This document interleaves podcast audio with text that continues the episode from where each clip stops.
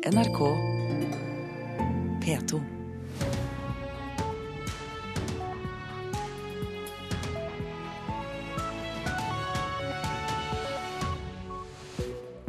Vi gir deg nyhetsbildet her i Nyhetsmorgen også i dag, onsdag 14. januar. I studio Øystein Heggen, og dette er våre saker nå 6.30.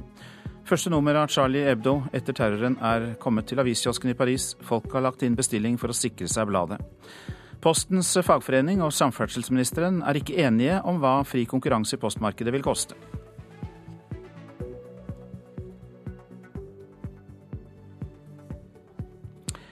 Fattige i utviklingsland må arbeide seg til et bedre liv. Da må Norge legge om handelspolitikken, mener Kirkens Nødhjelp. Flere gamle og syke som ble tvangsevakuert fra Nord-Troms og Finnmark i 1944, kom aldri til rette. Min bestemor hun var 83 år da vi ble evakuert. Så hun tok veldig på den dagen hun måtte forlate sitt hjem og reise bort. I dag er det en uke siden eh, to terrorister angrep satiremagasinet Charlie Hebdos lokaler i Paris og drepte tolv personer. I dag kommer de overlevende tegnerne og journalistene på eh, sin måte med en spesialutgave av bladet. Vår reporter i Paris, Marit Kolberg, har vært ute og prøvd å kjøpe magasinene nå i morgentimene. Det er eh, tidlig om morgenen. Jeg står i en aviskiosk her i Paris. Klokka er ikke fem engang. Vi er ute for å prøve å få tak i Charlie Hebdo, som kommer, eh, i, som kommer til salg på gata i dag. Bonjour madame, est-ce que je peux avoir Charlie Hebdo, s'il vous plaît? Non, désolé, je n'en ai plus pour aujourd'hui. Il faudra attendre demain matin. Mais vous avez tous vendu déjà? Tous sont vendus, oui. Her er det altså allerede utsolgt, og jeg får beskjed om å komme tilbake i morgen. Og spesialutgaven av eh, bladet i dag og Charlie Ebdos eh, historie har Joar Hoel Larsen mer om. De har bearbeidet sorgen med humor, og hedrer sine døde kollegaer med å fortsette satiren der de ble stanset. Som bladets ekspert på ytringsfrihet, Rishar Malka, sier, vi kan ikke gi oss nå, ellers ville alt dette ha vært meningsløst. Forsidetegningen ble klar i helgen. Den viser en gråtende profet med turban og skjegg. Han holder et skilt foran seg med teksten Je Charlie. Han står under et banner med påskriften Alt er tilgitt. I tillegg drives det i bladet gjøn med de to terroristene som drepte kollegaene. Og enkelte blir provosert. Stormuftien i Egypt har allerede advart utgiverne mot å trykke en ny Mohammed-karikatur, og kalt den rasistisk men muslimske ledere i Frankrike har mannet til ro og bedt franske muslimer respektere ytringsfriheten. Satirebladet Charlie Hebdo trykkes vanligvis i 60 000 eksemplarer. Dagens spesialutgave har et førsteopplag på tre millioner, og vil komme på tre språk – fransk, italiensk og tyrkisk. Og det er ikke bare en minneutgave. Den tyrkiske er viktigst, sier bladets nye redaktør Gerard Biar. For der er sekularismen under angrep.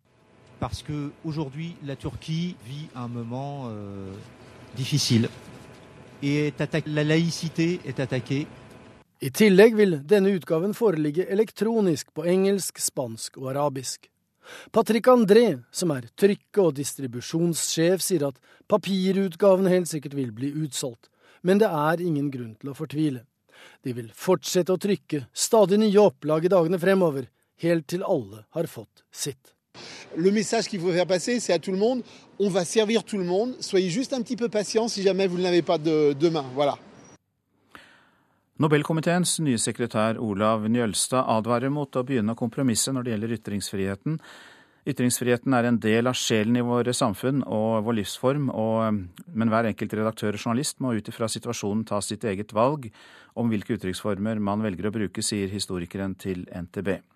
Man må aldri kriminalisere provokasjonene og bli så redd eller feig at man henfaller til selvsensur, advarer Njølstad, som altså er Nobelkomiteens nye sekretær. På Sri Lanka har flere hundre tusen mennesker samlet seg på stranden i Colombo, der pave Frans skal kanonisere landets første helgen.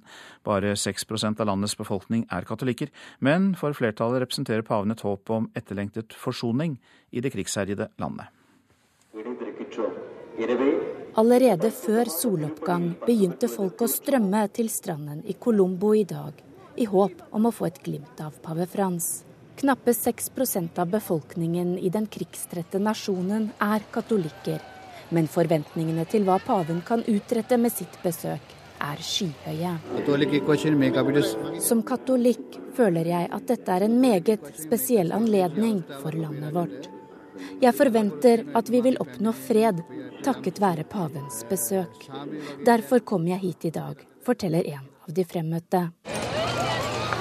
Flere hundre tusen mennesker er nå på stranden og følger pavens kanonisering av landets første katolske helgen. Paven blir i landet i tre dager. Det sa utenriksmedarbeider Charlotte Bergløff, og det blir mer om pavens besøk på Sri Lanka i Nyhetsmorgen klokka 7.40. Staten må betale 1 milliard kroner for å innføre fri konkurranse i Posten. Det sier lederen for de postansatte Odd Christian Øverland i Postkom. Men samferdselsministeren sier det bare er skremselspropaganda. Ketil Solvik-Olsen lover like posttilbud til lik pris over hele landet, også med den nye postloven. Vi skal sørge for at vi har en enhetsporto over hele landet, og at vi gir et tilbud over hele landet der folk bor. Mye av de skremselsargumentene som kommer fra Postkom, er ikke riktig i forhold til det regjeringen faktisk har foreslått. Regjeringen har foreslått full konkurranse på Posten. Dagens internsubsidiering mellom by og land forsvinner i et fritt marked, og regningen for staten øker. Jo sterkere konkurransen om post blir, jo høyere blir regningen, viser beregninger som legges fram i dag. Konkurrentene som kommer inn i markedet, tar begrensa deler av det geografiske området.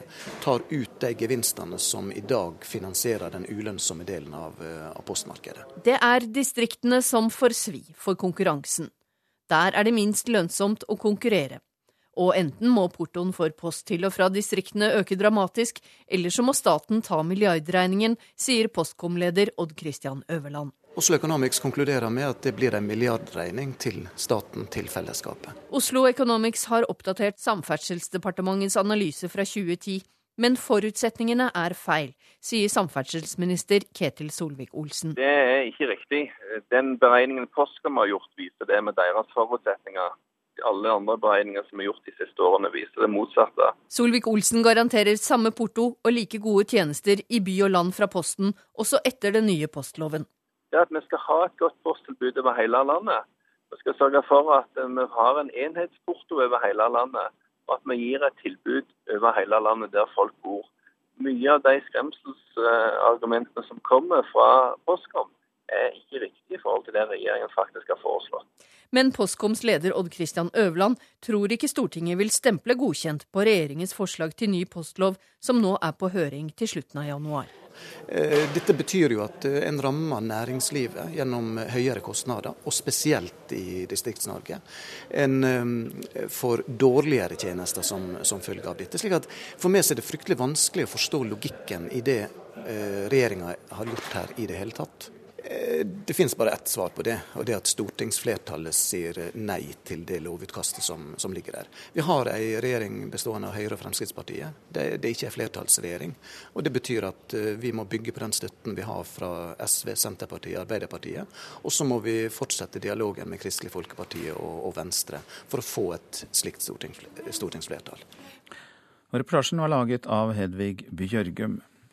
Norge må ta et større ansvar for at fattige utviklingsland kan arbeide seg til et bedre liv. Det er en av konklusjonene i en ny rapport fra Kirkens Nødhjelp. Og Wenche Fone, god morgen til deg. God morgen. Du er nemlig leder for utviklingspolitisk avdeling i Kirkens Nødhjelp. Og eh, ja, dere mener at både høyre- og venstresiden her i landet må endre holdning i handelspolitikken, så hva er galt med den? Vi mener at ingen land skal leve av bistand, og at det nå er på tide at eh, norske myndigheter åpner våre markeder for eh, varer fra fattige land. Og da har vi dessverre sett det at vi har sett det har vært en skyttergravskrig mellom det som har vært veldig sånn tydelig frihandelsliberalister, og de som måtte, egentlig ikke har noe tro på at handel er et virkemiddel. Så vi mener at det nå er på tide med en ny, eh, mer kvalifisert debatt. Og der målet er som sagt at ingen land skal leve av bistand. Nå må vi ha en revolusjon på handelspolitikken. Da kan man lett lande på følgende utsagn at Kirkens Nødhjelp er blitt handelsliberalister? Absolutt ikke. Og Det er derfor vi i denne rapporten går inn for eh, at eh, den norske regjeringen må prioritere det multilaterale sporet, som er WTO. For nå har man kommet i en situasjon at det har kommet så mange andre små avtaler. 3000 andre avtaler i veldig mange ulike eh, valører. Men fortsatt så er det det multilaterale sporet som har et prinsipp om at man skal ta særlig hensyn til fattige lands interesser. Ja, så Når du snakker om det multilaterale sporet, så betyr det at man skal velge ut de land man skal ha frihandel med, de landene som trenger det mest? Nei. Eh, WTO har lagt opp et differensiert uh, handelssystem, der man tar særlig uh, hensyn til fattige land. For det er sånn i dag at Noen fattige land er ikke klare for det internasjonale markedet ennå. Og det er ikke rettferdig at en afrikansk kvinne som ønsker å selge sine tomater på markedet i Kenya, faktisk kan risikere å møte en høyere, måtte ta en høyere pris enn dumpa varer fra Europa. Og Selv om ikke Norge dumper varer fra Europa i dag, så er det likevel WTO-systemet som gjør at dette er mulig i dag. Og Det er her vi mener at her må det komme en eh, stor endring for at afrikanske land selv skal få sjansen da, til å arbeide seg, arbeide seg ut av fattigdom. Men for at jeg skal skjønne dette bedre, så la oss se det på en annen måte, da. Eh, hva med beskyttelsen av norske bønder? Hva med nasjonal produksjon av matvarer? Kommer den da under angrep fordi man skal sørge for at folk i utviklingsland eh, bl.a. produserer mer mat og selger til oss? Vi har vært opptatt av at den, noen av de typene av støtte som finnes i Norge i dag, med fordel kan endres.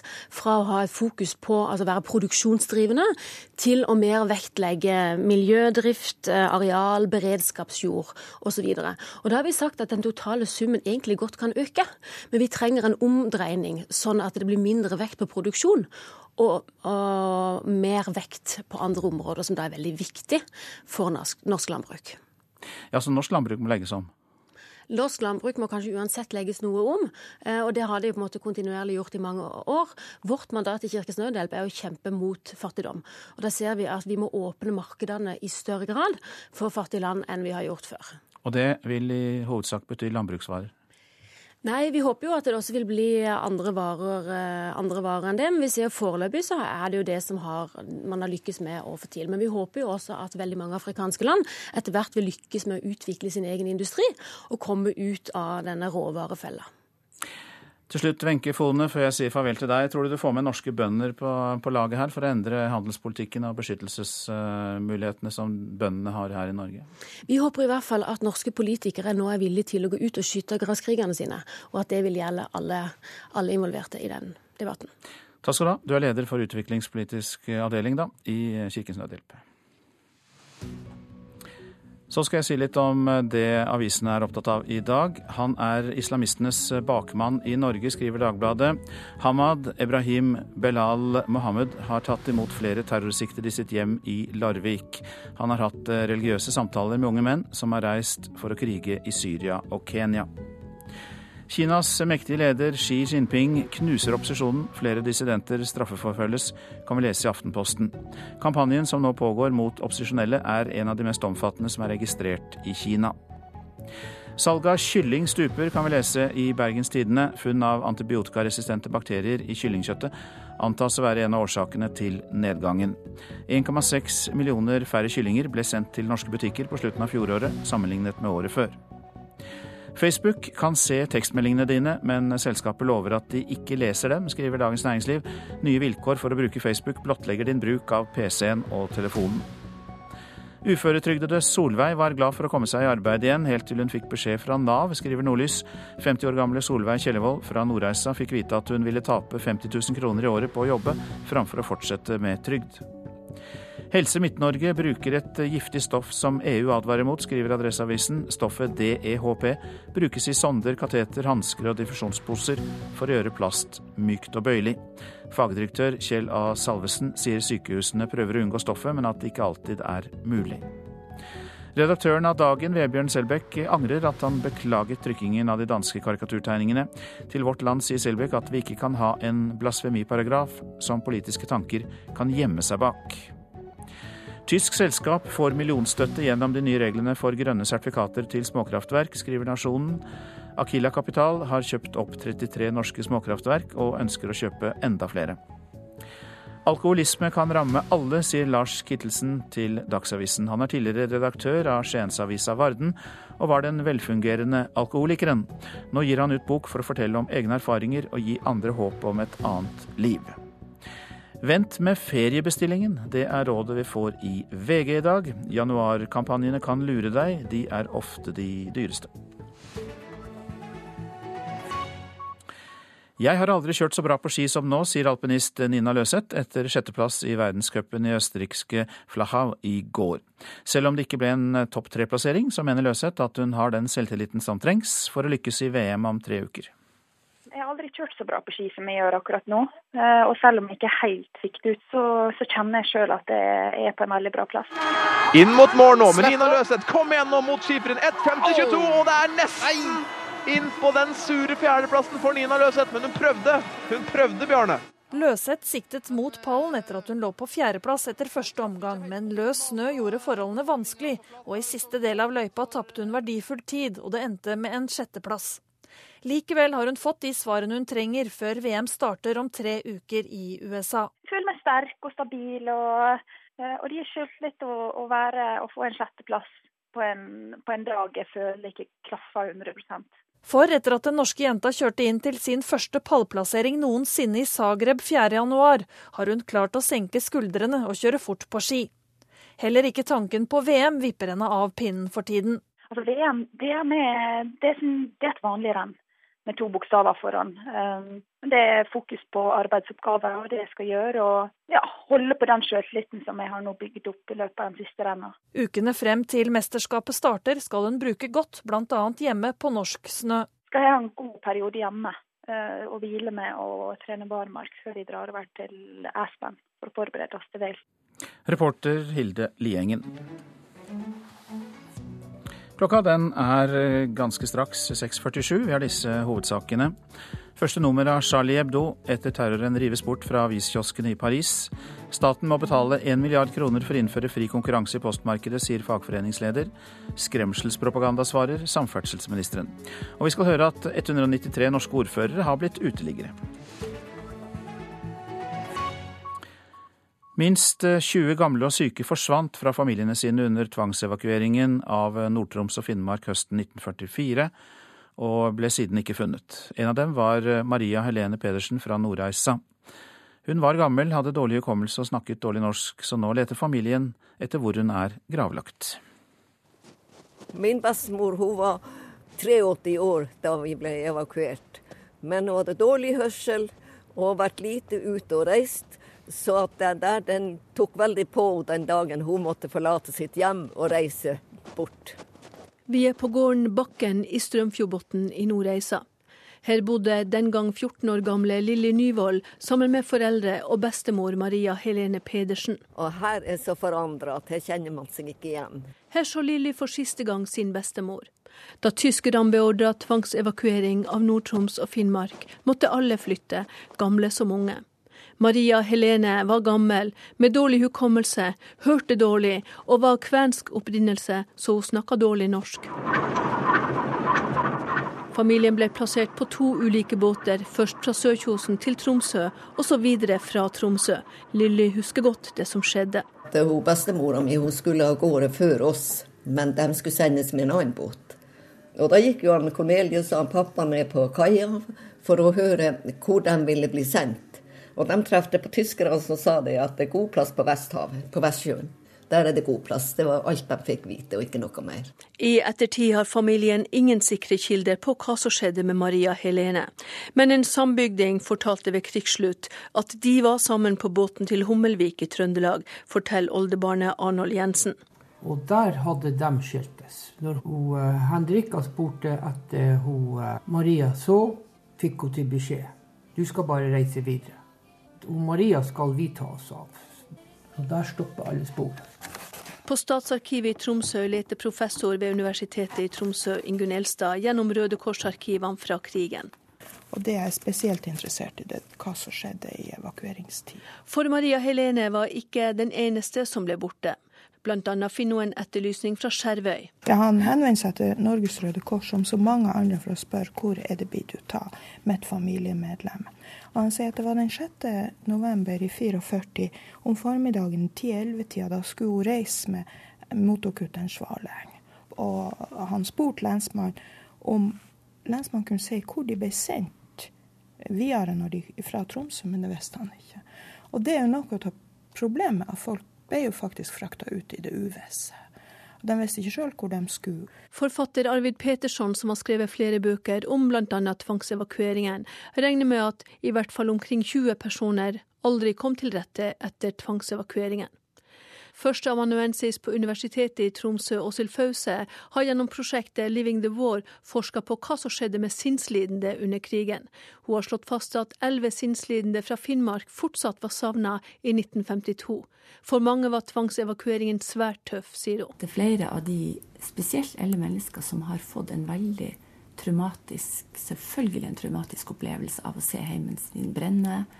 Det de opplever underveis med turer sørover i minelagte farvann, redsel, stuva sammen.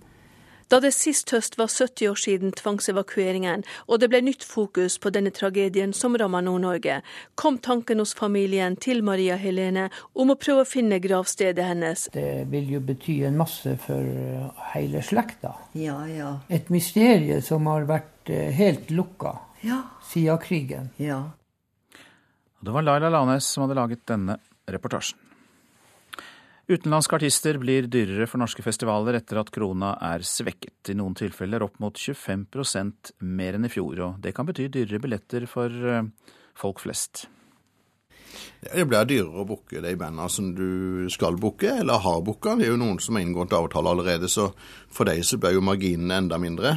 Toffen Gunnufsund har booka utenlandske artister til Norge i 25 år, og har tidligere jobba i bl.a. Kvartfestivalen og HV-festivalen. Nå jobber han i Skral festival i Grimstad. Eh, For de som skal booke band, så må en jo da vurdere om en skal eh, booke norsk eller nordisk, eller om en skal booke kanskje noen andre artister. Altså, har du et budsjett, så har du et budsjett. Så det er mulig du må på en måte si fra deg muligheten med å booke de største. Eller kanskje booke bare noen færre, eller du må rokere på budsjettet ditt, da.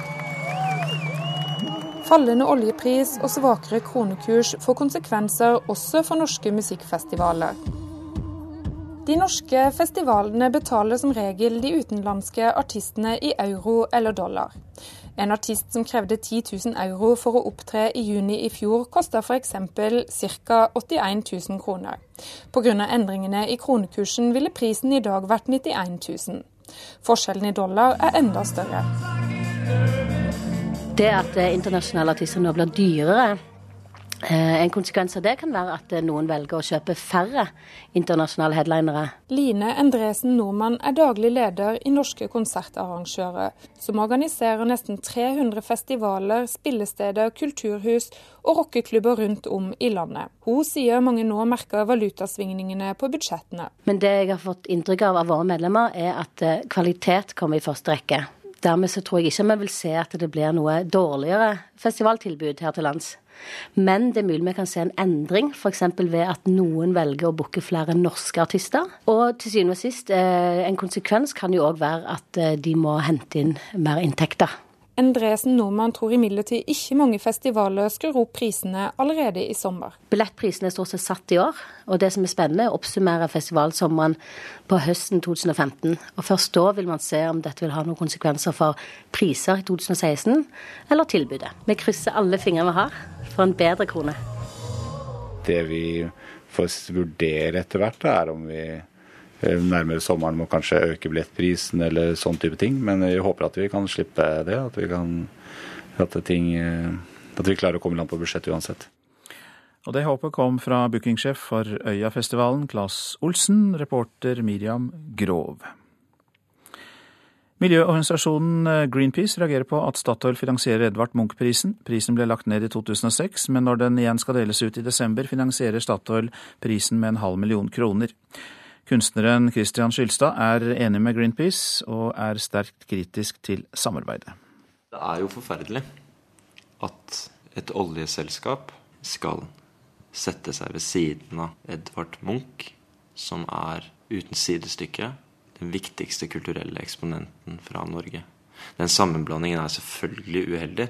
Den er så uheldig at det blir forferdelig. Sier kunstner Christian Skylstad. Han er enig i Greenpeace sin kritikk av Statoils finansiering av The Edvard Munch Art Award, som deles ut av Munch-museet. Leder i Greenpeace Norge, Truls Gullofsen, mener finansieringa kun handler om markedsføring. Her får altså Statoil ved å gi en halv million kroner, som er omtrent verdien av en helsides annonse i en avis, så får de sole seg i glansen av Norges fremste kunstner gjennom tidene. Det er ekstremt billig markedsføring og en del av en strategi som Statoil har hatt i lang tid, om å assosiere seg med positive ting. Informasjonsdirektør i Statoil, Jannik Lindbekk, er uenig i kritikken og mener merkevarebygginga er legitim. Han understreker også at enhver nominasjon til prisen er opp til kunstneren selv å takke ja eller nei til. Vi har jo et ønske om å synliggjøre hva vi står for og den verdiskapningen vi representerer kunstnere som ikke ønsker å bli eh, en del av dette, de står fritt til å avstå fra dette. og Det skal vi ha respekt for, at det kan være ulike syn. Og Statoil har jo heller ingen innflytelse på hvem det er som blir nominert, eller hvem det er som får eh, prisen eh, til slutt. Dette er det en fagjury som, som står for på helt egne bein. Direktør ved Munch-museet, Stein Olav Henriksen, er enig med Lindbekk og legger til at samarbeidet med oljegiganten er nøye gjennomtenkt. Eh, Statoil er en eh, stor og viktig aktør i norsk næringsliv, og er også en viktig eh, samarbeidspartner for oss. Og Nå er de med og hjelper oss til å skape noen verdier som er viktige for oss. og Derfor har vi innrettet dette samarbeidet. Men vi har selvfølgelig i alle tilfeller sett på hvilke samarbeidspartnere vi skal ha, og hvilke prosjekter vi skal ha. Skylstad tror likevel ikke at samarbeidet er problemfritt, og mener det bryter med et grunnleggende prinsipp. Når skillene mellom reklame og kunst blir utvisket, så mister kunsten sin autonomi, sin egenart. Er man under kommersielle føringer kontinuerlig som kunstner, så er ikke det mulig. Gullofsen i Greenpeace håper på sin side at kunstnerne selv står imot prisen. Jeg håper og tror at Kunst-Norge sier nei takk til Munch-prisen, så lenge den er en reklameplakat for Statoil. Reporter her, Runa Rød. Kolvereid skole i Nærøy står i brann. Politiet i Nord-Trøndelag er i ferd med å varsle og evakuere folk i nærheten av skolen. Brannen skal ha startet midt i bygget. Brannvesenet jobber med å få kontroll over brannen. Barneskolen har 200 elever og 33 ansatte, ifølge nettsidene til Nærøy kommune. Så til værvarselet. Fjell i Sør-Norge. Kuling utsatte steder. Skyet eller delvis skyet. Snøbyger vest i Langfjellet, ellers stort sett oppholdsvær. Østafjells. Sørvestlig liten kuling på kysten. Periodevis eh, stiv kuling i Vest-Agder. Skyet eller delvis skyet. Enkelte regn- og sluddbyger i Vest-Agder. Snø i høyden. Ellers stort sett opphold, og perioder med sol østafjells. Vestlandet sørvestlig stiv og til dels sterk kuling på kysten. Ved Stad liten storm. Regn og haglbyger. Snø i indre og høyereliggende strøk, og det er utrygt for torden. Trøndelag sørlig stiv og periodevis sterk kuling på kysten. I ytre strøk enkelte regn- eller haglbyger, og det kommer som snø i høyden. I indre strøk stort sett opphold. Nordland sørlig stiv kuling utsatte steder. Snø- og sluddbyger, etter hvert oppholdsvær. På Helgeland blir det litt snø og sludd i kveld. Troms sørøstlig stiv kuling utsatte steder. Øst for Lyngsalpan sterk kuling. I ettermiddag minking til sørlig frisk bris. Skyet eller delvis skyet vær i Troms i dag. Stort sett opphold. Finnmark sørlig sterk kuling utsatte steder. Fra i ettermiddag og av og til stiv kuling. Stort sett skyet vær, etter hvert oppholdsvær. Nordensjøland på Spitsbergen østlig liten kuling utsatte steder og lettskyet oppholdsvær. Temperaturer målt klokka fire i natt. Svalbard lufthavn minus ti. Kirkenes minus 16. Varde minus 7. Alta minus 10. Tromsø-Langnes minus 3. Bodø, der var det pluss to grader. Brønnøysund har vi ikke fått inn, men eh, Trondheim-Værnes to grader. Molde to grader. Bergen-Flesland fem. Stavanger fire. Kristiansand-Kjevik tre. Gardermoen minus tre. Lillehammer minus åtte. Røros minus 16. Og Oslo-Blindern minus tre grader. NRK P2.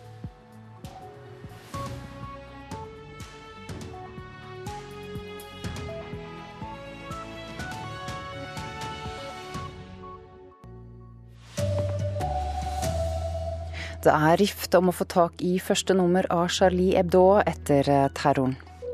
Kolvereid skole i Namdal i Nord-Trøndelag står i full fyr. Her er NRK Dagsnytt klokken sju. Ja, I dag kommer satiremagasinet Charlie Hebdos nye nummer i salg. Forsiden preges av en karikatur av profeten Mohammed som holder et Je suis Charlie-skilt. Og reporter Marit Kolberg, du er ute i gatene i Paris der det er stor interesse. Hvordan merker du det? Jeg står eh, utenfor en aviskiosk her, og nå er det mange skuffede kunder som må forlate også denne kiosken. Det er den tredje eller fjerde vi er i.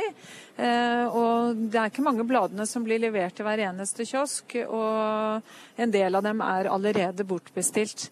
Den ene kiosken vi var i, der hadde han ikke fått noen blader i det hele tatt, så han tok rett og slett og stengte for dagen og sa jeg orker ikke å holde åpent i dag, jeg orker ikke å krangle med kundene mine om dette her. Så hm. dette bladet er det mange som vil ha tak i. Du fikk eh, til slutt tak i et eksemplar. Hvordan ser det ut?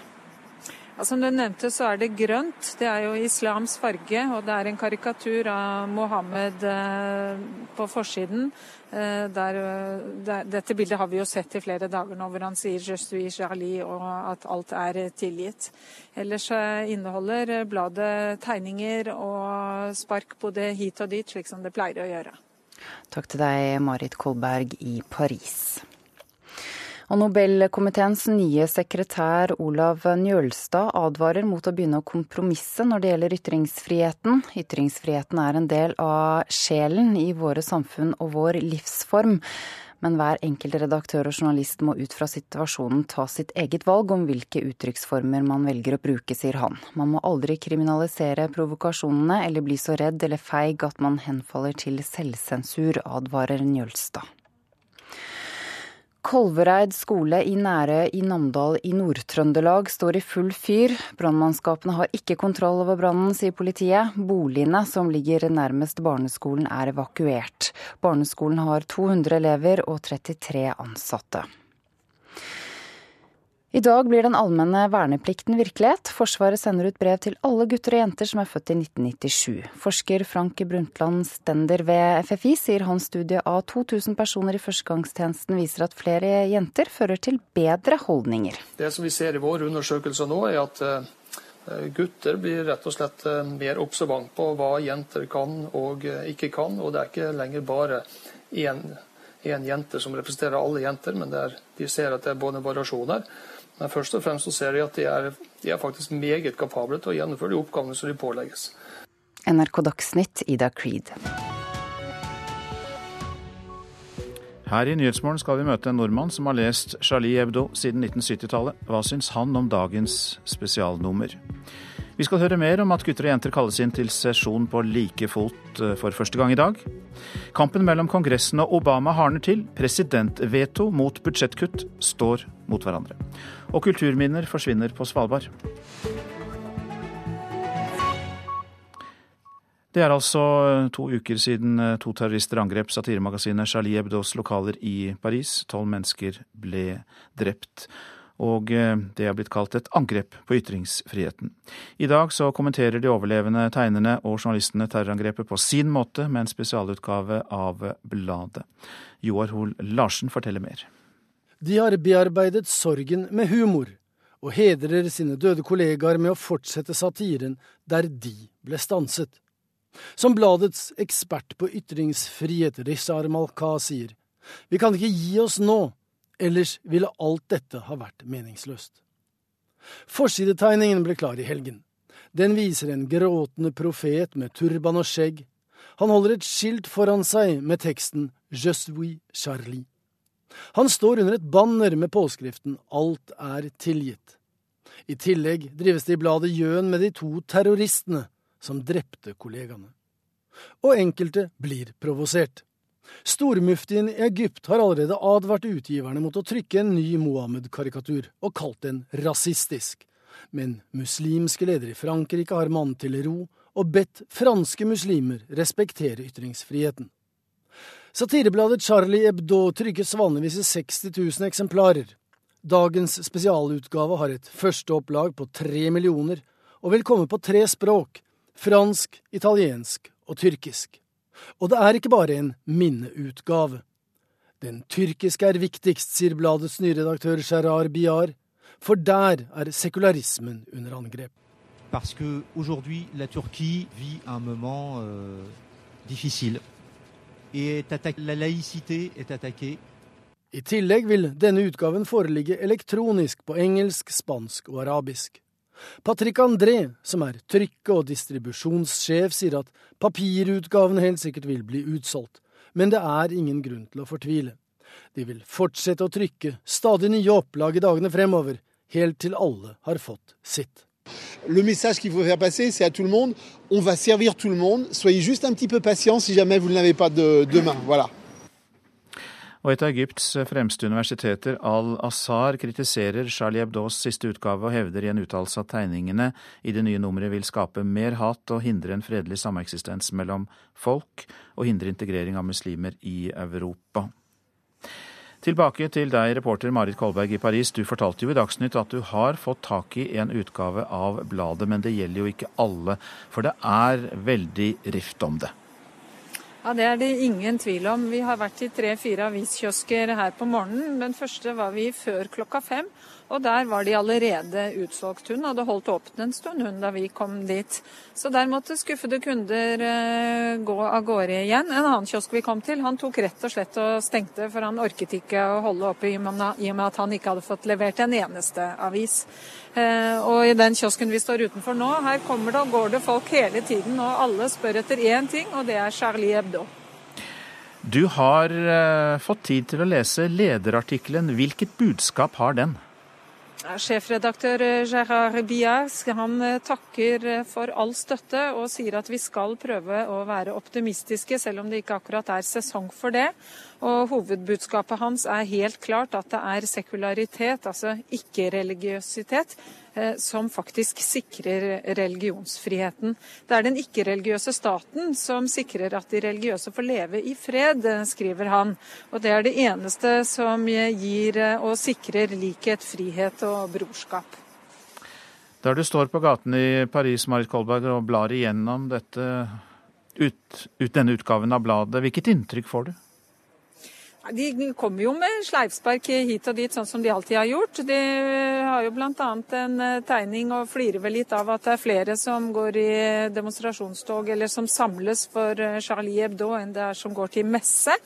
Eh, en annen vitstegning viser en islamist som prøver å sjekke inn på et fly, og så sier han aha, ingen fly til Syria. Nei vel, da får jeg heller kapre et. Så de, er, de, de har helt klart humoren til Charlie Hebdo har eh, overlevd. Humoren er i behold. Mange takk skal du ha i denne omgang, reporter i Paris, Marit Kolberg. Otto Haug, god morgen til deg. God morgen. Du er frankofil distriktsredaktør i Østlandssendingen her i NRK, men du har også studert ved Sorbonne og lest Charlie Hebdo siden 1970-tallet. Og hva er ditt inntrykk, det du har fått med deg av dagens spesialnummer? Ja, altså, Dette tyder jo på at redaksjonen følger i sin tradisjon. Eh, og eh, er røff i tonen, slår til høyre og venstre. Eh, relativt respektløst. Men samtidig så er det en, en, undertone av et annet alvor som vi eh, kanskje merker bedre her. Eller kanskje vi bare leter mer etter den eh, enn i de vanlige numrene. Hvordan har du opplevd bladet gjennom flere år som leser? Jo, altså eh, Charlie Hebdo er eh, ikke noe stor publikasjon i Frankrike. Vi må huske på at det er 60 millioner innbyggere i Frankrike, og eh, atskillig flere i den eh, fransktalende delen av verden. Eh, og likevel er opplaget bare altså 50 000 eksemplarer. Eh, mye mindre enn et eh, gjennomsnittlig, vil jeg tro, hundeblad eller golfblad eller noe sånt. Eh, men dette publikasjoner som bare menighetene eh, kjenner. Eh, Charlie Hebdo er, til tross for sitt begrensede opplag, eh, et tidsskrift som eh, alle franskmenn har et forhold til. Eh, som eh, opprører og irriterer, som folk med makt i Frankrike alltid må forholde seg til, fordi de alltid blir konfrontert med det Charlie skriver og tegner og vitser med. Eh, og fordi de har altså en stil som er såpass sleivete, såpass eh, altså ved første eh, syn så er mange av tegningene helt sånn doveggskriblerier, altså. Svære rumper, svære pupper. Eh, og som når du går litt lenger inn i det, så ser du at her er det ganske raffinert. Men uttrykket sånn i første eh, er absolutt ikke noe pene damer sitter på metroen og leser. Det måtte eventuelt være hvis hun eh, finner et eksemplar på stuebordet etterlatt av en rebelsk tenåring. Eh, men altså eh, marginal, et marginalt tidsskrift i Frankrike som Frankrike samtidig er stolt over. Så hvor viktig er da satiren, denne type skarpe satire, i Frankrike? Ja, I Frankrike så har satiren lang tradisjon. Eh, tilbake fra eh, kongedømmet, eh, gjennom revolusjonen. Eh, og eh, hele veien oppover. Det gjelder både eh, avissatir, avistegnere, men i høy grad også det vi nå i Norge etter hvert kaller standup-komikk. Altså kommentatorer av, i, litt bredpenslet forstand av hendelsene i den franske politikken og maktapparatet. Hjertelig takk for at du kom til Nyhetsmorgen, Otto Haug, som altså er distriktsredaktør i Østlandssendingen til vanlig, men som vi hørte, også svært interessert i Charlie Hebdo og Frankrike. I dag sender Forsvaret ut brev til alle gutter og jenter som er født i 1997. Dermed er den allmenne verneplikten virkelig en realitet. En studie ved Forsvarets forskningsinstitutt viser overraskende gode resultater ved å blande kjønn i Forsvaret, sier eksperter. På Hamar katedralskole var det god stemning for at gutter og jenter skal stå likt. Eh, det er jo litt bra, fordi det er kanskje flere som har lyst til å være med, da.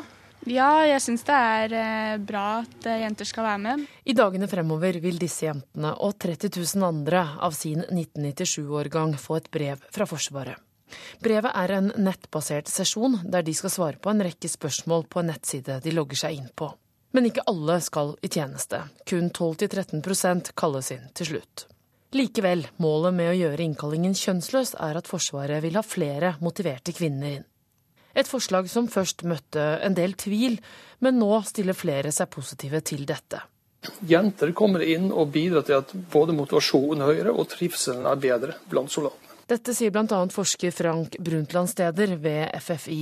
Hans studie av 2000 i førstegangstjenesten viser at nettopp jo flere jenter, jo bedre holdning. Det er ikke lenger bare én, jente som representerer alle jenter, men er, de ser at det er både variasjoner. Men først og fremst så ser de at de er, de er faktisk meget kapable til å gjennomføre de oppgavene som de pålegges. Likestillingsombud Sunniva Ørstavik er glad for at Forsvaret har åpnet opp. Når det er sagt, så håper jeg virkelig at Forsvaret benytter denne anledningen til å ta det store grepet nå på å gjøre Forsvaret til en likestilt og god arbeidsplass og et godt sted å være både for eh, kvinner og menn. Der er det et stykke igjen. Og selv om alle jenter nå skal kalles inn, betyr jo ikke det at alle har lyst. Jeg vet ikke helt om jeg er typen til det. Til å være ute en uke og greie seg på lite mat og ja, jeg tror det er veldig hardt fysisk. Reportere her Ellen Borge Christoffersen og Kurt Sivertsen. Klokka den er snart 7.14. Vi har disse hovedsakene. Spesialutgaven av Charlie Hebdo etter terroren rives bort i Paris' aviskiosker. Kolvereid skole i Nærøy står i brann. Politiet i Nord-Trøndelag er i ferd med å varsle og evakuere folk i nærheten av skolen. Og vi skal eh, snart høre mer om at kulturminner forsvinner på Svalbard. Men aller først om kampen mellom det republikanske flertallet i Kongressen og president Barack Obama. Obama har truet med å legge ned veto i fem saker, mens republikanerne i Representantenes hus vil holde tilbake penger Obama trenger for å opprettholde USAs terrorberedskap. I går kveld møtte presidenten kongresslederne for å diskutere hva de kan klare å samarbeide om de neste månedene. Having a, a college playoff det hjelper alltid å begynne med å snakke om fotball. I alle fall når det største universitetet i kongressleder John Bainers hjemstat Ohio akkurat har vunnet det amerikanske universitetsmesterskapet. Men stridstemaene står i en lang kø og de neste månedene kan fort komme til å ligne en kamp i nettopp amerikansk fotball for president Obama og det republikanske kongressflertallet, med de sammenstøtene en slik kamp innebærer. Uh, cards. The key now is for us to work as a team Økonomien i USA er i kraftig bedring, og det er viktig å vise folket samarbeid og handlekraft for å sørge for at framgangen fortsetter, understreket presidenten rundt lunsjbordet i Det hvite hus i går. Han vil samarbeide med Kongressen, bl.a. om å forenkle skattesystemet. Uh, uh, uh, Men i de fleste andre saker blir det kantete.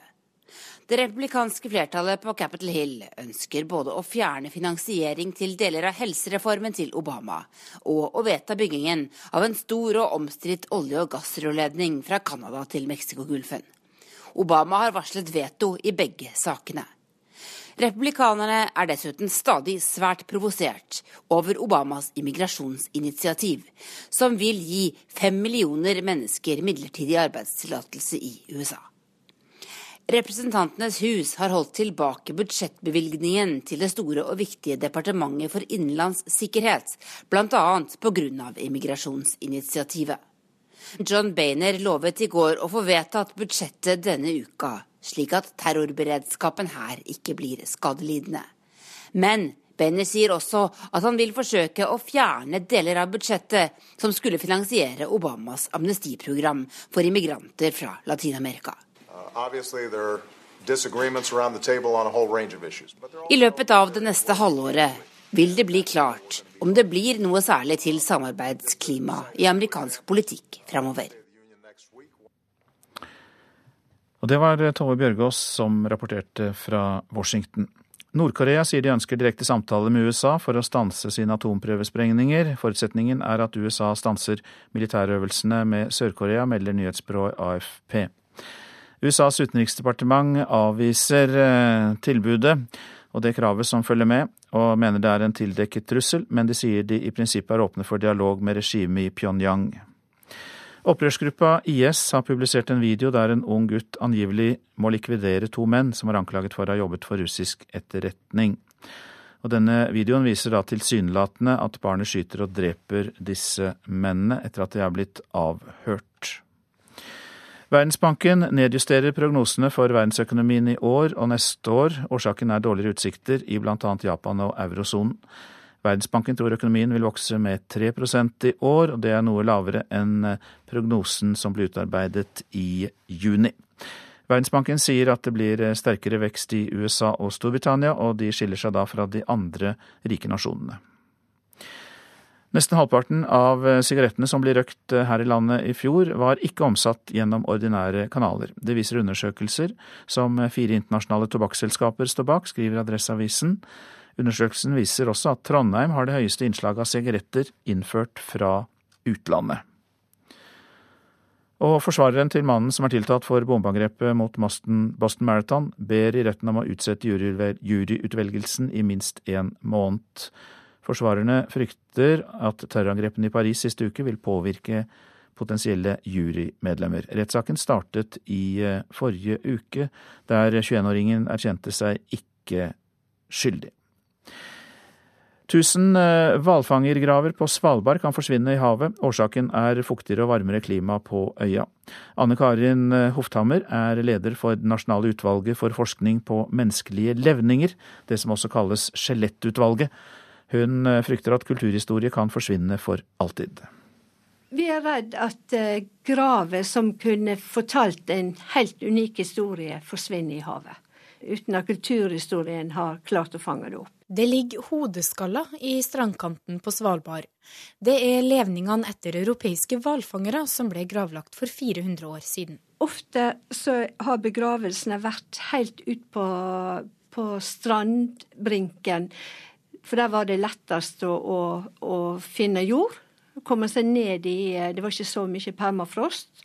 Sånn at de er begravd der. Og den her Akkurat de områdene er jo de som nå er mest utsatt for erosjon i forbindelse med klimaendringene. Til sammen er rundt 1000 fangstmenn fra hovedsakelig Nederland og England gravlagt slik. De ble gravlagt fullt påkledd, og permafrosten har bevart de sånn fram til i dag. Men nå er de altså i ferd med å forsvinne. Isen som tidligere lå beskytta på, på vinterstid, den er jo ikke der lenger. Så nå er det da fritt fram. Da ligger bølgene og eroderer vekk. Eh, og etter hvert så raser disse her gravene i havet. Det blør jo en arkeologs hjerte å se at det forsvinner. Sier arkeolog hos eh, Sysselmannen på Svalbard, Snorre Haukali. Jeg tror ganske mye er tapt allerede. Altså, permafrosten har jo bevart veldig mye av uh, tekstiler og altså, klær og ting som de hadde med seg i grava. Og dette er jo, dette er jo et materiale som, ellers, som, som ikke finnes ellers, da, fordi permafrosten har bevart det, mens uh, i Europa så har da vanlige folk sine klær og smågjenstander er på en måte borte. Han mener Norge må lage planer for hvordan gravene som ikke er vaska vekk, skal bevares. Det er Norge internasjonalt forplikta til, sier Hufthammer. Vi som nasjon er tilknytta Malta-konvensjonen, og den sier at eh, Norge, sammen med alle europeiske land, skal ta vare på den europeiske kulturarven. Og hvis det er noe som er virkelig en europeisk kulturarv hvor Norge har et særlig ansvar, så må det være akkurat disse her. her. En har fortsatt tid til å, å ta vare på det viktigste. Reportere Camilla Wernersen og eh, Marit Gjelland. Så til det avisene er opptatt av i dag.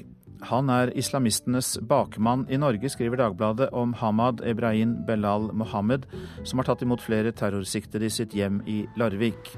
Han har hatt religiøse samtaler med unge menn som har reist for å krige i Syria og Kenya. Kinas mektige leder Xi Jinping knuser opposisjonen. Flere dissidenter straffeforfølges, kan vi lese i Aftenposten. Kampanjen som nå pågår mot opposisjonelle, er en av de mest omfattende som er registrert i Kina. Salget av kylling stuper, kan vi lese i Bergenstidene. Funn av antibiotikaresistente bakterier i kyllingkjøttet antas å være en av årsakene til nedgangen. 1,6 millioner færre kyllinger ble sendt til norske butikker på slutten av fjoråret, sammenlignet med året før. Facebook kan se tekstmeldingene dine, men selskapet lover at de ikke leser dem, skriver Dagens Næringsliv. Nye vilkår for å bruke Facebook blottlegger din bruk av PC-en og telefonen. Uføretrygdede Solveig var glad for å komme seg i arbeid igjen, helt til hun fikk beskjed fra Nav, skriver Nordlys. 50 år gamle Solveig Kjellevold fra Nordreisa fikk vite at hun vil tape 50 000 kroner i året på å jobbe, framfor å fortsette med trygd. Helse Midt-Norge bruker et giftig stoff som EU advarer mot, skriver Adresseavisen. Stoffet DEHP brukes i sonder, kateter, hansker og diffusjonsposer for å gjøre plast mykt og bøyelig. Fagdirektør Kjell Å Salvesen sier sykehusene prøver å unngå stoffet, men at det ikke alltid er mulig. Redaktøren av avisa Dagen, Vebjørn Selbekk, angrer at han beklaget trykkingen av de danske karikaturtegningene. Til avisa Vårt Land sier Selbekk at vi ikke kan ha en blasfemiparagraf som politiske tanker kan gjemme seg bak. Tysk selskap får millionstøtte gjennom de nye reglene for grønne sertifikater til småkraftverk, skriver Nasjonen. Akilla Kapital har kjøpt opp 33 norske småkraftverk og ønsker å kjøpe enda flere. Alkoholisme kan ramme alle, sier Lars Kittelsen til Dagsavisen. Han er tidligere redaktør av Skiensavisa Varden og var den velfungerende alkoholikeren. Nå gir han ut bok for å fortelle om sine egne erfaringer og gi andre håp om et annet liv. Vent med feriebestillingen. Det er rådet vi får i VG i dag. Januarkampanjene kan lure deg. De er ofte de dyreste. Snakk om eh, vanskelige ting. Det sier artisten Modi når han møter ungdommer på sin turné i regi av Den kulturelle skolesekken. Ingen har det bra hele tida, sier Modi. I går var Runar Edvardsen, Stian Olsen og andre elever fra Kvaløya videregående skole på konsert i Tromsø domkirke. Jeg vet at han er en artist fra Nord-Norge. Jeg eh, Samme, og det at han ikke liker å bruke sko. Hva syns om å gå på konsert i soletida? Kjempeflott. Slipp eh, fag. Det er kaldt i domkirka i Tromsø, men Pål Moddi Knutsen har likevel tatt av seg ullgenseren, og som alltid skoene, når han fremfører krokstavemnet for elever fra videregående skoler i byen. I to fulle uker reiser Senja-artisten rundt og holder konserter for alle videregående elevene i fylket. Der faug ikke alt av frø, ditt lande var best. Noen slo rot der berget bratna som Da jeg sa at vi skulle ut på skolesekkenturné, så svarte alle med nemlig Å, herre mann, det kommer til å bli så sykt flaut. Og så spurte jeg hva, hva, hva mener du med det? Hallo! De går på videregående! De syns at alt er flaut! Kjærlighet på første forsøk. Det er så mange mil, og det er så lenge sia.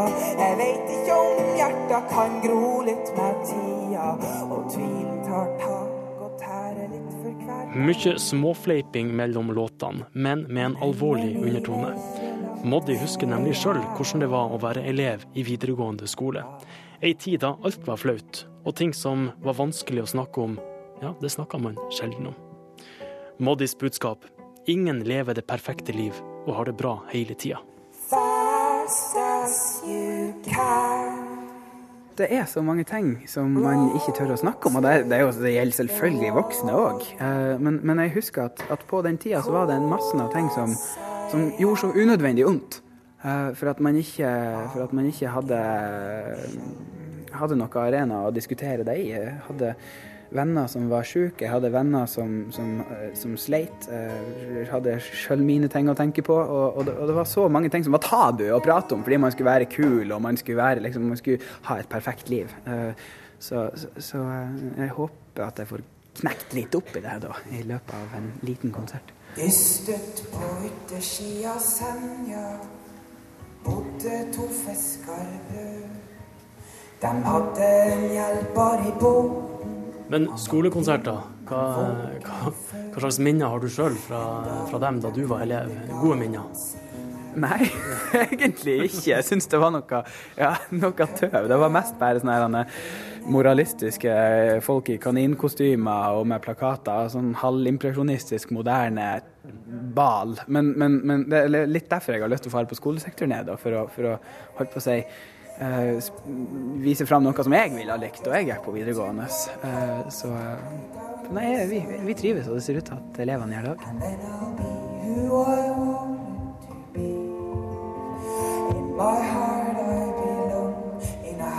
Og etter konserten tid for selfies og klemming. Amanda Bless var blant dem som sikra seg et møte med Moddi. Veldig koselig. Ja. Hva var det? Selvfølgelig. Er du en stor fan? Jeg liker noen av sangene hans. Ja. Hva du liker med det er så spesielt. Han har veldig sånn klar stemme, som gjør at stemmen, eller musikken hans blir veldig fin opplevelse. Og ja, veldig fin stemme. Så skolekonsert med Moddi, det passa deg perfekt? Ja, det gjorde det. I hvert fall for meg. Og når skolesekkturneen er ferdig, vil Moddi og cellist Katrine Skjøtt ha spilt for til sammen 4000 elever. Reporter var Jørn Resvoll. Den eh, franske forfatteren Michel Olebec eh, skal promotere sin bok om et Frankrike under islamistisk styre i Tyskland neste uke. Boka heter 'Soumission', som kan oversettes med underkastelse. Boka beskriver et islamiststyrt Frankrike i 2022, og forfatteren blir beskyldt for å nøre opp under islamofobi. Dette blir forfatterens første opptreden siden terrorangrepene i Paris forrige uke. Ole Beck var eh, en nær venn av Bernard Marie, en av de drepte i Charlie Hebdos eh, lokaler. Og eh, før angrepet hadde Charlie Hebdo viet flere sider av siste utgave til satire mot forfatteren og boka. Du lytter til Nyhetsmorgen. Pave Frans er på Sri Lanka. Den katolske kirken har i motsetning til andre trossamfunn på øya samlet både tamiler og singalesere. Mer om det i Nyhetsmorgen etter Dagsnytt.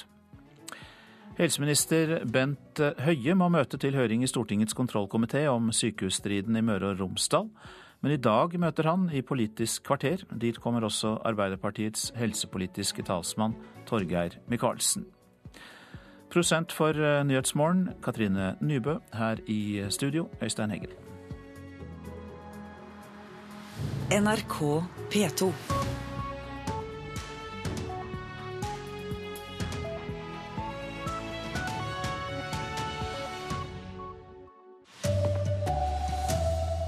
Ny utgave av det franske satiremagasinet Charlie Hebdo er ute i butikkene, men allerede utsolgt de fleste steder. I dag sender Forsvaret ut brev til alle gutter og jenter som er født i 1997. Dermed har den allmenne verneplikten blitt virkelighet. 200 ordførere har overnattet ute i natt. Her er NRK Dagsnytt klokken 7.30. Ukens utgave av det franske satiremagasinet Charlie Hebdo er altså nå publisert, men eh, utsolgt de fleste steder. Nummeret er det første etter terrorangrepet forrige uke. Redaksjonen tar ikke uventet et kraftig oppgjør med terroristene. Bonjour madame, est-ce que je peux avoir Charlie Hebdo s'il vous plaît? Non, désolé, je n'en ai plus pour aujourd'hui. Il faudra attendre demain matin. Da NRKs reporter i Paris Marit Kolberg var ute klokken fem i dag tidlig for å få tak i ukens utgave av Charlie Hebdo, var allerede flere bladkiosker utsolgt. Normalt er opplaget på knappe 60 000, beskjedent i et land med 60 millioner innbyggere. Etter terrorangrepet der ni av redaksjonens medlemmer mistet livet, kommer nå det de selv kaller de overlevendes nummer i tre millioner eksemplarer og på flere språk. Den franske, italienske og tyrkiske vil være tilgjengelig på papir. Den tyrkiske er spesielt viktig, fordi der er sekularismen under angrep, forklarer redaksjonen. De mener sekularisme er det eneste som kan sikre frihet, likhet og brorskap. Elektronisk er magasinet nå tilgjengelig på engelsk, spansk og arabisk. Så reporter Charlotte Bergløff. Og reporter Marit Kolberg, du er fortsatt ute i gaten i Paris. Du klarte til slutt å få tak i et eksemplar. Hva inneholder det?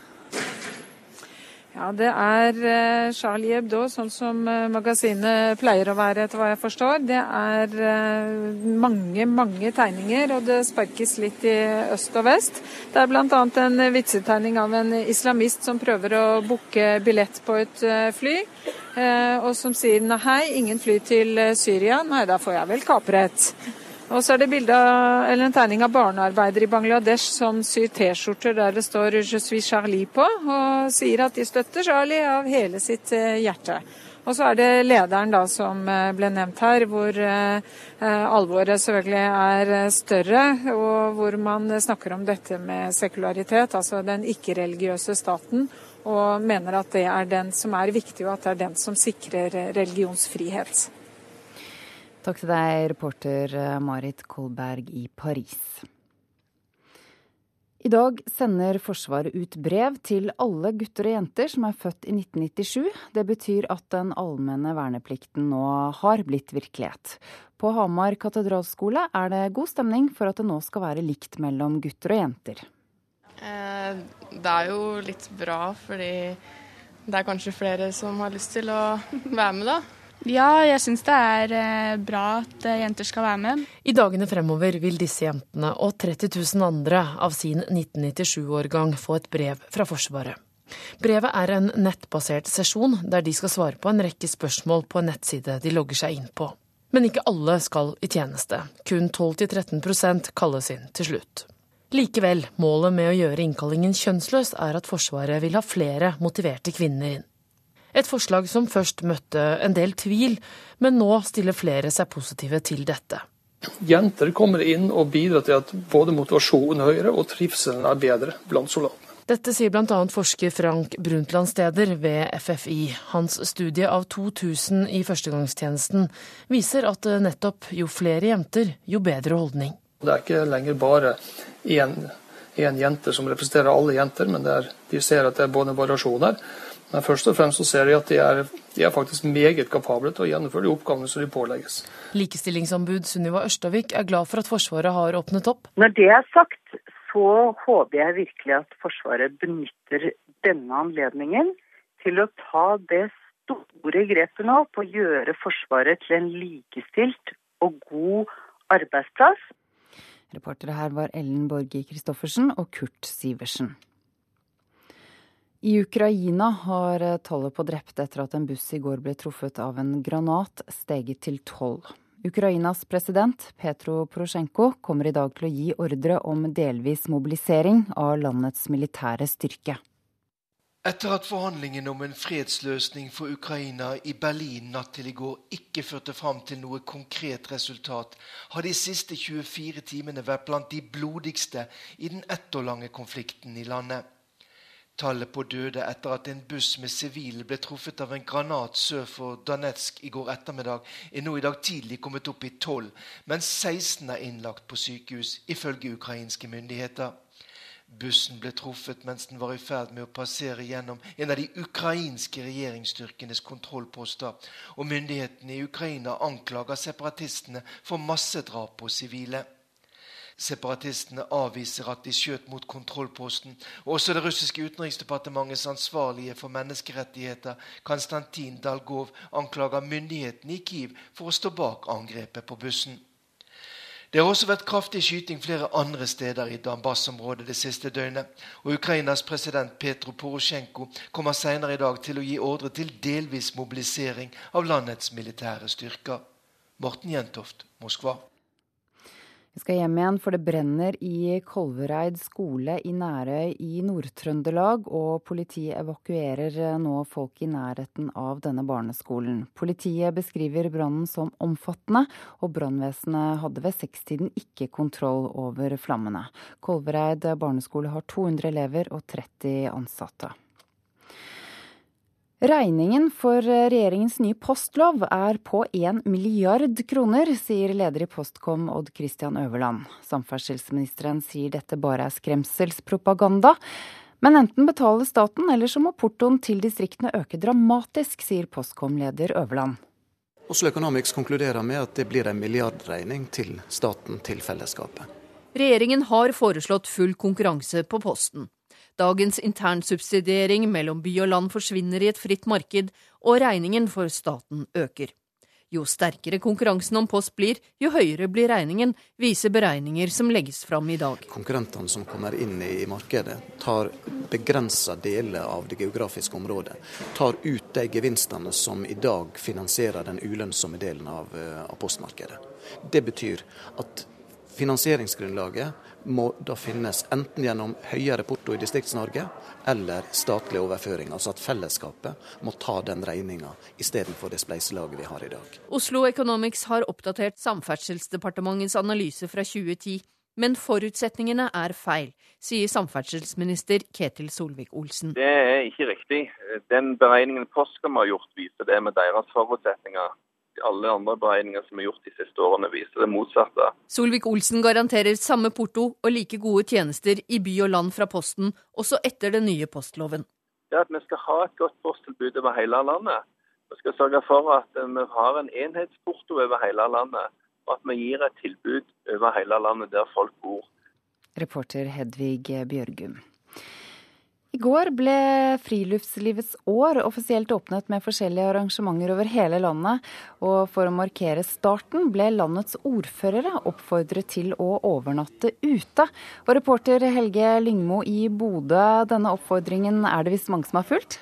Det er veldig mange som har fulgt den i Norge. Omtrent halvparten av eh, alle Norges ordførere sa ja og tok denne utfordringa. Og kanskje kom det til litt flere i løpet av eh, kvelden eh, også. Her i Salten-regionen har faktisk 100% av ordførerne tatt denne utfordringa og overnatta i en lavvo. Nå sitter vi inne, det snør ute. Inne har vi lunt og gått rundt et bål. Og Ole Hjartøy, ordfører i Bodø, hvordan har denne natta vært? Den har vært utrolig artig, og det, vi har også hatt et veldig godt eh, samhold. Vi har løst mange problemer i går kveld rundt bålet, gode samtaler. Vi hadde en fantastisk flott natt ute. Så der har dere slått sammen eh, kommunene? Ja, det var kanskje å trekke det litt langt, men vi hadde mange gode samtaler. Ja. Rolf Steffensen, eh, ordfører i en annen Salten kommune, eh, Hamarøy. Helt kort, eh, gjør du det her flere ganger? Ja, det gjør jeg veldig gjerne. Jeg syns det har vært veldig bra. Ja. Da kan vi jo bare si det at nå i kommunestyredebatter fremover så er det ca. 200 ordførere i Norge som med rette kan si i litt harde debatter at de jaggu har vært ute ei vinternatt før til deg, reporter Helge Lyngmo i Bodø. Ansvarlig for dagsnyttsendingene Dagsnytt-sendingene denne morgenen er eh, Sven Gullvåg. Teknisk ansvarlig er Hanne Lunås. Jeg heter eh, Ida Creed. Ja, hører du dette, så lytter du til Nyhetsmorgen. Pave Frans avslutter i dag sitt besøk på Sri Lanka, der han har oppfordret til forsoning etter den 26 år lange borgerkrigen. Den katolske kirken har, i motsetning til andre trossamfunn på øya, samlet både tamiler og singalesere. Han er her, konstaterer en mann i folkemengden i Colombo. Og kameraene knipser bilder. I feel so awesome because this was the first time I saw the Pope. Um, but then he went so. Jeg er helt overveldet. Det er jo første gang jeg ser paven. Men han for forbi så fort. Jeg fikk da tatt noen bilder, sier den litt, men bare litt skuffede 19-åringen Desri Jayama. We feel that he is a prince of peace. Uh, peace, bringing peace to Sri Lanka, message. Vi føler at han er en fredsfyrste. Han bringer fred til Sri Lanka, et budskap. Vi er overlykkelige over å ha ham her, smiler 80 år gamle Felicitasa Ivy Desonayake. Og det er ikke bare Sri Lankas lille katolske minoritet på vel én million sjeler 6 av øyas beboere som ønsker pave Frans velkommen. Actually, I'm not a Catholic. I'm a Buddhism. But I feel this as a peace uh, and happily. Jeg er ikke engang katolikk, men buddhist, sier Ganga Vasala. Likevel føler hun at paven bringer med seg fred og lykke. Fred er ordet som går igjen blant dem som står og vifter med det srilankiske flagget langs paveruten fra flyplassen inn til sentrum av hovedstaden Colombo. Det mangler ikke på forventninger i landet der så mange som 40 000 sivile ble drept, de fleste av dem hinduistiske tamiler, i de siste månedene av konflikten med det buddhistdominerte flertallet i 2009. Pave Frans ble møtt med tradisjonell dans og musikk da han landet på Bandanaraika internasjonale flyplass i går, og innledet det første pavebesøket i landet på 20 år. Og han kom til en nasjon som hungrer etter endring. Et folk som for en uke siden stemte krigspresidenten Mahinda Rajapaksa ut. Pavens første ord til srilankerne blir tolket som en oppfordring om å opprette en sannhetskommisjon for å granske menneskerettighetsbruddene som ble begått under den 26 år lange borgerkrigen. It is no easy task to overcome the bitter legacy of injustices, hostility and mistrust left by the conflict. Det er ingen lett oppgave å overvinne konfliktens bitre arv, urett, fiendskap og mistillit. Det gode må vinne over det onde. Og det som fører til gjenforening, solidaritet og fred, må dyrkes av paven, og fortsatte.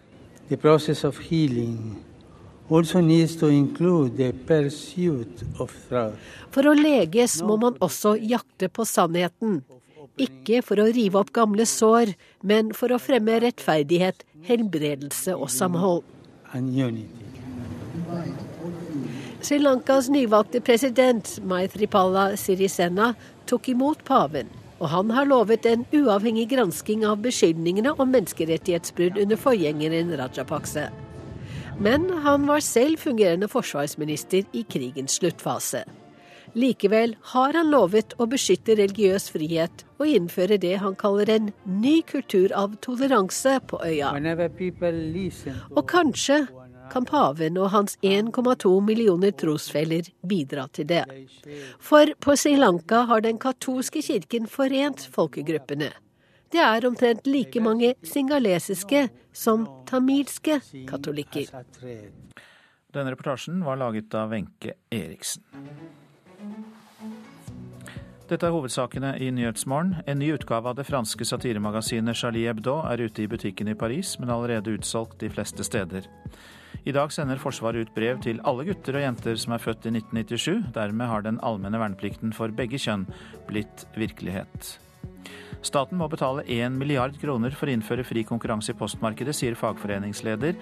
Skremselspropaganda, svarer samferdselsministeren. I Ukraina er tallet på døde etter at en buss i går ble truffet av en granat steget til tolv. Ukrainas president Petro Porosjenko kommer i dag til å gi ordre om delvis mobilisering av landets militære styrker. Nå er det Politisk kvarter, programleder Astrid Randen.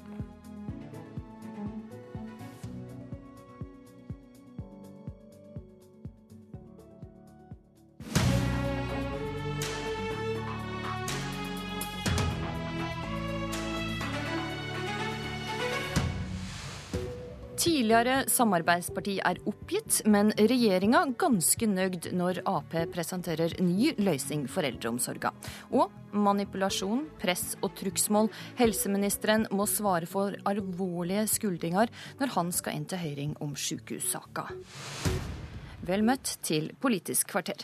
Helseminister Bent Høie, i går avgjorde kontroll- og konstitusjonskomiteen at du må inn til åpen høring på Stortinget. Saka gjelder altså sykehusspråket på Nordvestlandet, for eh, rett før jul ble årelang strid avgjort. Nytt sykehus skal ligge ved Molde. Men både i forkant og i etterkant så har det hagla med skuldringer om ureint trav og brudd på foretakslova. Og med dette bakteppet, mener du Bent Høie at det er riktig at denne saka nå blir gjennomgått i ei høring på Stortinget?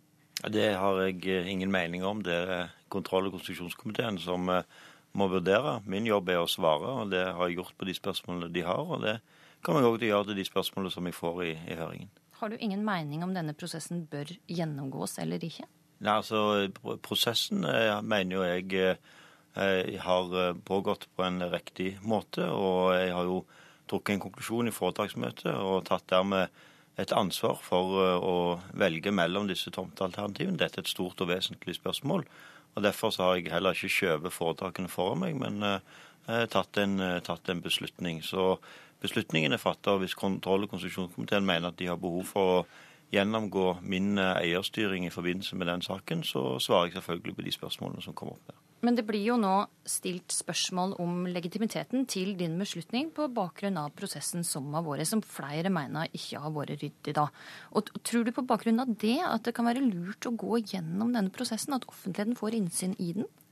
Ja, altså, Jeg har jo svart på en rekke spørsmål allerede fra komiteen, som offentligheten har fått eh, innsyn, eh, innsyn i. og jeg regner jo med at når komiteen da etablerer høring i denne saken, så er det fordi de ønsker å gå dypere inn i de spørsmålene. Og jeg syns det er bare bra at det er mer informasjon som kommer fram. Eh, jeg mener at den informasjonen som eh, kommer fram, har tilbakevist mange av de eh, påstandene som kommet fram allerede. Noe av det en ønsker å avdekke i ei slik høring, er i hva grad du har instruert Helse Midt og Helse Møre og Romsdal for å få gjennom de vilje. Og Høie, hvordan vil du forklare forskjellen på at en sjef forteller hva han eller hun ønsker, og det å instruere?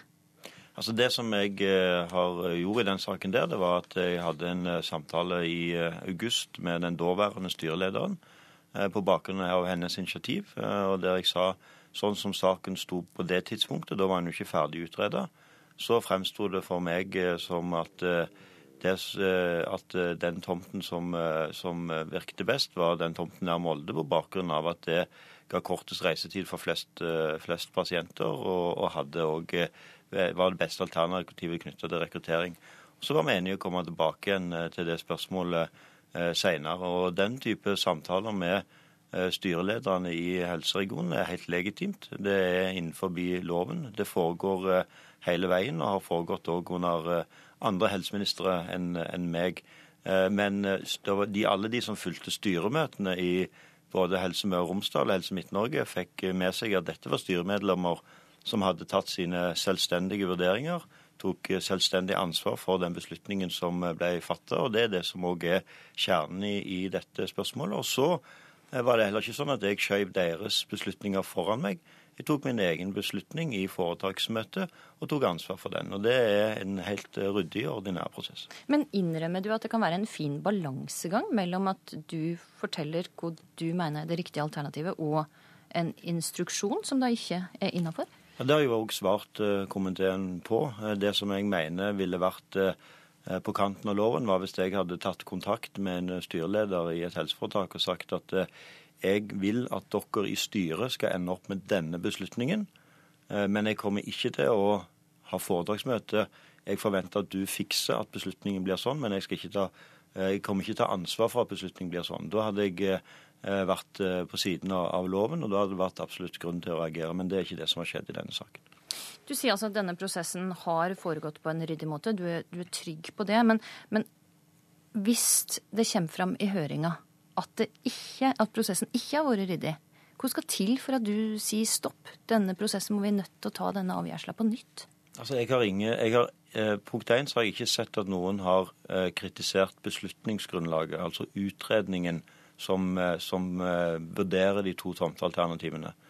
Og Det andre er at jeg har heller ikke stilt, sett noen som har stilt spørsmålstegn med at jeg som helseminister, som da er foretaksmøte i Helse Midt-Norge, har alle, all legitimitet til å trekke en beslutning i sånn en sak. Det ville jo vært veldig rart om jeg som helseminister, som da har det øverste ansvaret for denne type helsetjenester, ikke hadde hatt muligheten til å ta den beslutninga. Det er de to etter min oppfatning sentrale spørsmålene knytta til selve avgjørelsen. Eh, og Så kan komiteen ha spørsmål eh, knytta til prosessen som vi svarer på, men selve beslutningen om at det er og tomtevalget, det ser jeg ikke grunnlag for at eh, det er noe grunn til å gjøre om på.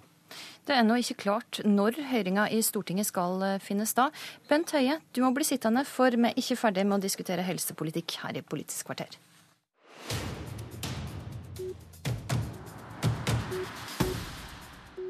Arbeiderpartiet legger opp til et voldsomt kontrollsystem som overkjører kommunene når de vil øremerke midler til eldresatsing. Det mener Senterpartiet. Men regjeringa er ganske nøyd. I går kveld presenterte Arbeiderpartiet sitt helseutvalg forslag til ny politikk. Og for å begynne med byrjinga, eh, bakgrunnen for den nye politikken. Den rød-grønne regjeringa lova altså 12 000 nye sykehjemsplasser, men endte opp med i underkant av 600. og Torgeir Micaelsen, helsepolitisk talsperson og leder av helseutvalget til Ap. Dette var ikke du helt fornøyd med? Nei, det var vi ikke. Og jeg har sagt helt siden vi fikk status på disse tallene at dette eh, var ikke bra nok. Eh, og så kunne jeg holdt en lang tale om hva som var det egentlige innholdet i disse tallene, og hva som egentlig ble lovet. Men jeg føler at det er liksom tiden som falt, ja, det er ting som falt for lenge siden. Og at det nå er på tide å se framover. Vi erkjente at det ikke var bra nok. Og Vi erkjente også at vi trenger sterkere virkemidler eh, hvis vi skal møte de store alderskullene som kommer i årene framover. Og vi tror at kommunene ikke kan overlates helt til seg selv på dette området. fordi det er rett og slett for store utfordringer. Og behovene har endret seg. så Derfor foreslår vi nå ganske kraftfulle nye virkemidler Eh, for å møte denne utfordringen i framtida. Forklar eh, kort og enkelt. Hvilke nye virkemiddel er det Arbeiderpartiet nå tar til orde for? Vi foreslår at eh, basert på et system som allerede har vært under utredning i flere år, som også KS støtter, så jeg hører at Senterpartiet mener dette blir byråkratisk. Det er i hvert fall ikke mer byråkratisk enn at ja, KS syns at det kan være en god idé. Såkalte kvalitetsindikatorer, altså måleinstrumenter for en rekke ting som vi må ha på plass i norsk eldreomsorg. Og Basert på et sånt system som er et enkelt, skal være ubyråkratisk, eh, skal kunne brukes av kommunene, så bør eh, vi sette minstekrav til hva som kommunene bør eh, levere av god eldreomsorg og pleie- og omsorgstjenester mer generelt. Det bør være mulig. Basert på det mener vi at kommuner som klarer å levere varene, der det på en måte blinker grønt, de kan bruke et øremerka sektortilskudd som vi ser for oss kan bevilges fra Stortinget til det de ønsker. Det kan være andre behov i kommunen enn å satse på pleie- og omsorgssektoren. Mens kommuner som ikke leverer varene, der det blinker oransje eller rødt, enten må organisere seg annerledes for å få opp kvaliteten, levere varene, eller bruke penger som Stortinget da bevilger, de ikke til, kan bruke til fri benyttelse. Altså De må bruke det innenfor uh, å løfte sektoren. Mm, de skal altså få øremerka eh, midler. Og Kjersti, og vi, ja. Kjersti Toppe, helsepolitisk talsperson i Senterpartiet. Du er skeptisk til Ap sitt forslag. Hvorfor det? Mm. Nei, Først og fremst så mener jeg det er veldig byråkratisk. At det vil føre til eh, veldig mye mer rapportering. Eh, helsefeltet sliter jo allerede med det i dag, at de som jobber ute i felten ikke får tid til det de egentlig, egentlig skal gjøre, altså ta seg av eh, og gi tilbud til pasientene. Så, så, tenker jeg at dette med kvalitetsindikatorer Torgeir Micaelsen tar feil når Eller han, han tror nok han tar feil når han mener Senterpartiet er imot det. Jeg er veldig for å sette krav til kommunehelsetjeneste, og at vi må bedre kvaliteten. Men det som blir veldig feil, er å koble dette opp i et system om finansiering. Og når jeg hører på Torgeir Micaelsen snakke om dette sjøl, så virker det veldig innfløkt. Altså at kommuner som skal få lov å bruke et sektortilskudd som, som eh, de vil, de må først bevise gjennom eh, rapportering osv. at de leverer på eh, noen kvalitetsparametere. Og så er det det evige dilemmaet med slike kvalitetsrapporteringer. Hva måler en? En kan måle liggesår, en kan måle urininfeksjoner, en kan måle andre ting. Men, altså, men den store utfordringen det er jo passifisering, ensomhet. Og hvordan dette kvalitetsbegrepet blir målt, Det er jo òg en stor, stor, utfordring. Ok, Innfløkt og byråkratisk. Da må jeg høre med det, helseminister Bent Høie. Hva syns du om Arbeiderpartiet sitt nye forslag til politikk? Nei, Jeg syns det er helt utmerket. Arbeiderpartiet nå støtter det som regjeringen er i ferd med å gjennomføre. Det er veldig bra. Vi har allerede i årets statsbudsjett bevilget 30 millioner kroner til å etablere den type kvalitetsregistre for å få mer oversikt over Eh, kommunenes eh, tilbud til, til, eldre og andre pleietrengende, nettopp fordi vi vet for lite om det. For å, og eh, for oss gi en mulighet for staten til å, å følge opp dette. og Vi har jo òg sagt veldig tydelig at vi vil etablere klare kvalitetsnormer for, for pleietjenesten, og den bl.a. òg vil gå inn på det som Kjersti Toppe her tar opp, og aktivitetstilbud, altså ut ifra et brukerperspektiv, kvalitet, og ikke bare et eh, f.eks. helsefaglig eller medisinsk, medisinsk, kvalitet. Så det, det er vi godt, i, godt i, i, gang med. Okay, Men det er òg altså. behov for å gjøre mer, eh, for jeg syns ikke eh, at Arbeiderpartiet svarer til de forventningene som Torgeir Micaelsen har prøvd å skape i tidligere debatter med meg om dette, der han nærmest har sagt at de skal komme med radikale forslag. De går ikke så langt som regjeringen ønsker å gå, gjennom å ta et større statlig ansvar for å sikre at vi har en eldreomsorg som er god nok, ikke minst i møte med den store økningen i antall eldre som kommer etter 2025. Ok, Torgeir Micaelsen, du får altså kritikk fra din tidligere samarbeidspartner, men ros fra regjeringa. Jeg syns kanskje rosen var litt eh, klam, hvis jeg kan få si det på den måten. Eh, altså, det er veldig bra hvis vi kan bli enige om dette i Stortinget. Altså, det burde bli et breit forlik på nytt om eh, nye og sterkere virkemidler. Men da må også regjeringen også få opp tempoet. Fordi de kritiserte oss kraftig i mange år i regjering.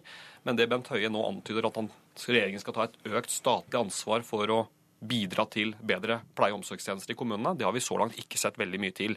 Eh, Bl.a. har investeringstilskuddet til sykehjemsplasser og heldøgns omsorgsboliger økt noe. Men det er ikke det vi ser for oss her. Vi ser for oss et system i storskala eh, der staten må ta et betydelig større ansvar også for å sikre kvaliteten. Og en av de tingene som er et stort problem... Det skal pøse litt penger inn i dette her. Ja, dette vil være, men dette skal være rammestyrt. Eh, Stortinget skal kunne diskutere dette hvert år. Og vet Storting... ikke hvor mye? Nei, det kan vi ikke si i dag. Dette må utredes nærmere. Dette er vår skisse til hvordan vi kan ha helt nye og mye sterkere virkemidler for å styre eh, ja, bedre utvikling i eldreomsorgen. Og en av de tingene som er et stort problem, det er at det er ganske store forskjeller kommunene imellom. Og det bør vi som fellesskap nå ta stilling til. Er det akseptabelt i et lite land som Norge med fem millioner innbyggere, eller mener vi at det bør være mer likeverdige tilbud over hele landet? Og Da tror vi at eh, staten må inn på en annen måte. Og Det er jeg helt eh, enig med Torgeir Micaelsen i, og vi venter ikke. Vi er i ferd med å gjennomføre. Som sagt, Vi har allerede bevilget pengene til å få den oversikten. Vi er i gang med et samarbeid med KS, eh, der nå KS kartlegger alle kommunenes planer for utbygging av heldøgns pleie og omsorg, sykehjemsplasser. Og så er det vår ambisjon å få en samarbeidsavtale med KS i løpet av dette året, her, der vi òg legger en plan for utbygging av antall plasser i årene framover. Men vil midlene bli øremerka, sånn at en ja. faktisk får det til? Eh, så er det ikke ramle i samme grøfta som de rød-grønne gjorde? Det, noe av det, det, første vi gjorde når vi kom i regjering, var jo å øke statens bidrag. Så nå tar staten halve regningen hvis en kommune bygger et sykehjem. Plass. Og Det har gitt resultater allerede. I allerede i september hadde vi gitt flere tilsagn om tilskudd eh, enn det som var gitt, eh, gitt året før. Vi ligger nå foran, mens en tidligere lå i etterkant. Og Så skal vi òg eh, etablere et system sånn at vi faktisk vet hvor mange er det som venter på heldøgns pleie og omsorg. Og så har vi òg sagt, og det har ikke registrert at noen av disse er for, nemlig at vi òg ønsker å styrke den enkelte eldre og deres pårørendes rettigheter. Derfor skal vi innføre en lovfesta rett til heldøgns pleie og omsorg i løpet av denne, denne stortingsperioden her. For dette handler ikke bare om systemer. Det handler òg om de eldre og deres pårørendes rettigheter. og Derfor vil vi si at mange pårørende har vært engasjert i at de er noen ganger redde for å gi beskjed når de opplever at de ikke får et godt nok tilbud. Derfor vil vi òg etablere pårørende eh, utvalg, bruker- og pårørendeutvalg, okay, okay. i tråd på samme måte som foreldreutvalg i skolen. Nettopp for at folk skal føle trygghet og for å gi beskjed når de ikke er fornøyd. Ok, Lovfesta rett må bare få veldig kort svar fra Hvorfor går det ikke inn for lovfesta rett? Altså, helt utmerket forslag. Å, altså Hvis dette er fornuftig utformet, støtte det i uh, Stortinget. Problemet her er at vi har en diskusjon om tilsagn om Men... tilskudd på nytt med regjeringen. Det var også vårt problem i regjering, og det ga ikke de resultatene som uh, ja, vi tenkte. Med den lille enigheten så avslutta vi Politisk kvarter for i dag. Takk for at dere kom i studio, Bent Høie, Torgeir Micaelsen og Kjersti Toppe. Politisk kvarter i dag var ved Astrid Randen. Hør flere podkaster på nrk.no podkast.